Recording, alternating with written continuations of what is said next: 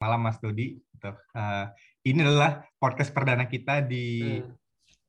ini ya di interview session dari teman Stacks.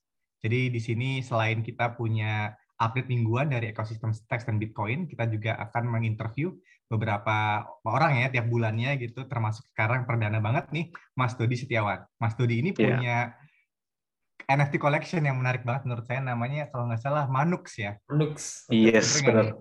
Iya. iya benar. Iya, jadi uh, kita akan berdiskusi ini di malam ini sama Mas Dodi kayak gitu. Ya, boleh boleh boleh. Sepertinya Mas Praja udah punya banyak pertanyaan nih kayaknya buat Waduh. Mas Dodi nih. Betul Mas, udah nyimpen dari tadi Mas pengen tanya-tanya nih Mas. Monggo silakan. Tapi yeah. saya ini ya praktisi yang newbie ya, bisa dibilang newbie ya sekarang ya. Sama aja Mas, Wah, juga baru-baru aja dikenalin Stacks uh, oleh Mas Puji. Iya. Oke, kita semua baru. Uh, ada yang bilang kenapa di kripto kita bilang good morning karena kita tuh we are still early gitu. Jadi ya, good benar. morning terus. Uh, Oke. Okay. Ini kebanyakan Discord okay. kayaknya ya. iya. iya. Oke, Mas Dodi, GM, GM. Uh, uh, GM yeah. Mas Dodi. Jadi Uh, boleh nih Mas, kita mulai dengan pertanyaan-pertanyaan mungkin yang uh, konvensional ya Mas, yang general. Ya. Uh, latar belakang Mas Dodi lah, kayak pendidikan, okay. terus kemudian uh, pekerjaan saat ini, terus gitu Mas. Kayaknya udah okay. punya uh, momongan juga ya Mas. Ayah. oh iya. Uh, untuk untuk latar belakang saya di desain grafis ya desain grafis itu tahun 2008 di Awareness dulu ya. Kemudian aku lanjut di isi isi Jogja itu nggak nggak sampai kelar dan sampai sampai itu aja untuk pendidikan ya. Uh, untuk untuk pekerjaan aku sekarang di industri kapal ya bisa dibilang agak agak nyambung ya kalau kalau di kapal itu kan biasanya harus ke lebih ke naval arsitek atau lebih ke yang sipil ya, civil engineering ya harusnya. Nah, di sini aku sebagai desain grafisnya di kantor ini juga termasuk IT-nya, IT IT yang di kantornya juga. Nah, begitu. Jadi kalau bisa dibilang nyambung nggak nyambung, untung dikasih kesempatan jadinya bisa dinyambung nyambungin gitu ya. Nah itu untuk basicnya, untuk basic dari dari di bidang saya itu. Hmm, oke okay, oke, okay. menarik sih mas. Tadi uh, jadi ini kantor kantor yang produksi kapal gitu ya mas. Tapi mas yes, jadi tim desain grafis sama IT-nya kantor itu. Ya, awalnya sih ini agak nyambung ya. Awalnya aku disuruh apply. Oh, waktu itu aku apply-nya 3D designer. Oke, 3D designer. Nah, sebagai 3D designer ya. Nah, waktu masuk sama si ownernya ini ditawarin, kamu bisa nggak jadi desain sama uh, desain kan dia ngelingkupnya semuanya ya. Jadi hmm. semuanya di di cover sama jadi IT-nya juga. Kan kebetulan yang yang saya ganti ini juga orang-orang IT resign, kemudian orang desain juga resign. Saya hmm. sudah dua-duanya itu. Ya, langsung dicoba deh dan bisa akhirnya. Oke. Okay. Udah berapa ya, lama Mas talenta?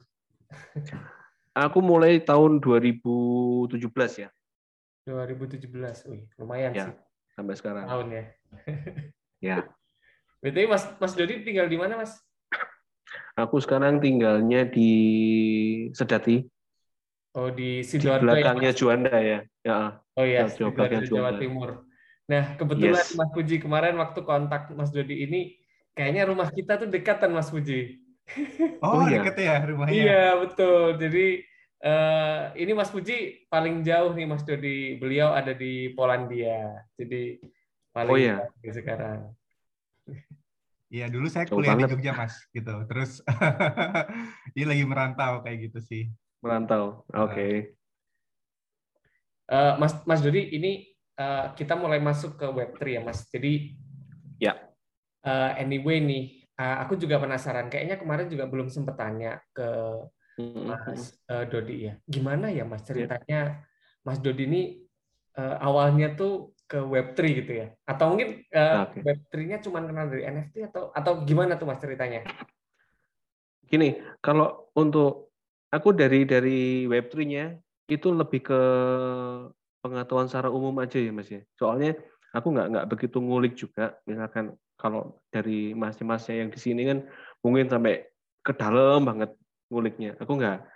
Uh, awalnya pertama aku tahu dari NFT, kemudian metaverse-nya.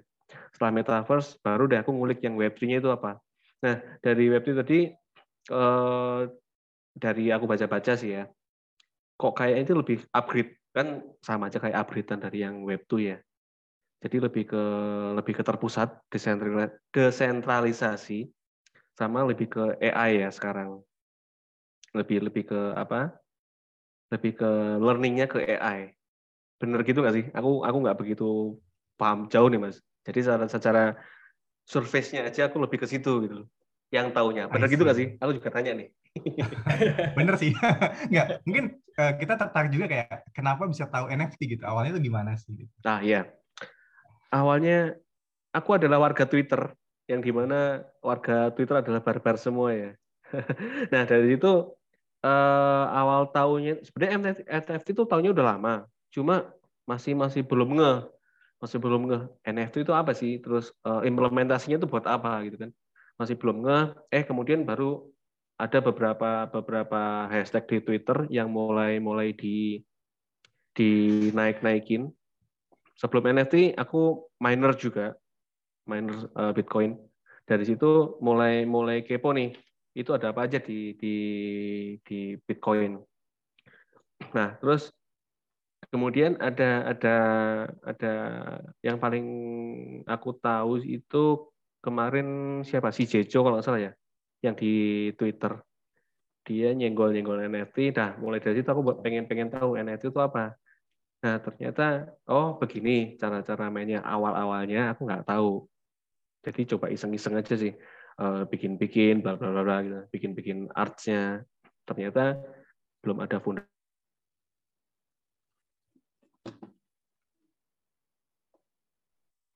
itu kalau dari dari NFT itu apa ya kan? Oke oke oke. I see I see. Jadi sempat jadi miners Bitcoin terus ya, sampai uh, sekarang masih sih gitu ya masih ya wih gila masih uh, luar biasa luar biasa oke okay. BTW, kalau jadi miners Bitcoin bisa juga jadi miners tax. ya, mungkin uh, dipelajari anyway. dulu ya. anyway, iklan. Oke, okay.